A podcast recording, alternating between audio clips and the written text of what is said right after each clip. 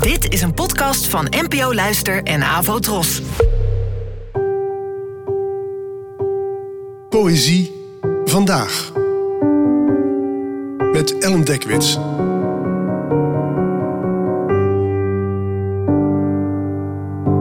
Hallo, fijn dat je luistert. Het gedicht van vandaag heet Amelia en werd geschreven door de Zimbabwaanse dichter Dambutsto Marachera, geboren in 1952 en gestorven in 1987. Het werd vertaald door mij. Amelia. Een lint van haast gesmolten staal spant rond mijn hoofd van waterijs. De tikkende klok slingert de hoge pijlen van eenzaamheid. Het stof in de verwaarloosde flat gloeit als radioactieve deeltjes onder mijn blote voeten. Hoewel het middag is, sta ik in mijn nachthemd, zinloos te grijnzen, bang om de gordijnen te openen voor de stralende nachtmerrie van daglicht. De strijdwagen van de wreker tussen vurige vonken en stof sleepte me nog steeds mee in zijn heldhaftig waken. De withete kogels van handmatige mitrailleurs scheuren de kronkelende sluier van de nacht nog steeds aan flarden en mijn Amelia, in stralend witte nachtjapon, haar kleine vuisten bonken tegen mijn ontblote borst, hapt naar adem, ligt stil. De muren trillen op het ritme van mijn snikken.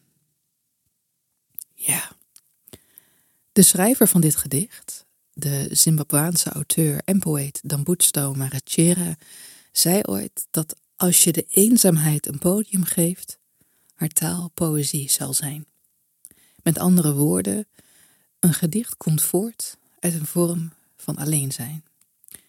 In zijn geval leefde dat verse op vol pijn en met regelmatig de wond van het isolement. En ook in dit gedicht is daarvan sprake. Iemand voelt zich hier niet goed, durft niet eens de gordijnen te openen, bang omdat de dag hem zal verzengen.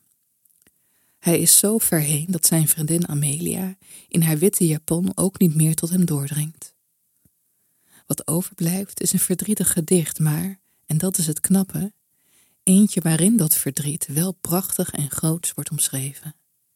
De zon zit bijvoorbeeld op een strijdwagen met vurige vonken, haar zonnestralen zijn wit hete kogels.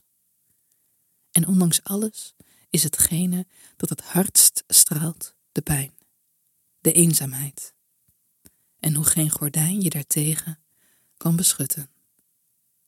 Bedankt voor het luisteren en tot de volgende keer. Abonneer je op deze podcast via de gratis app van NPO Luister.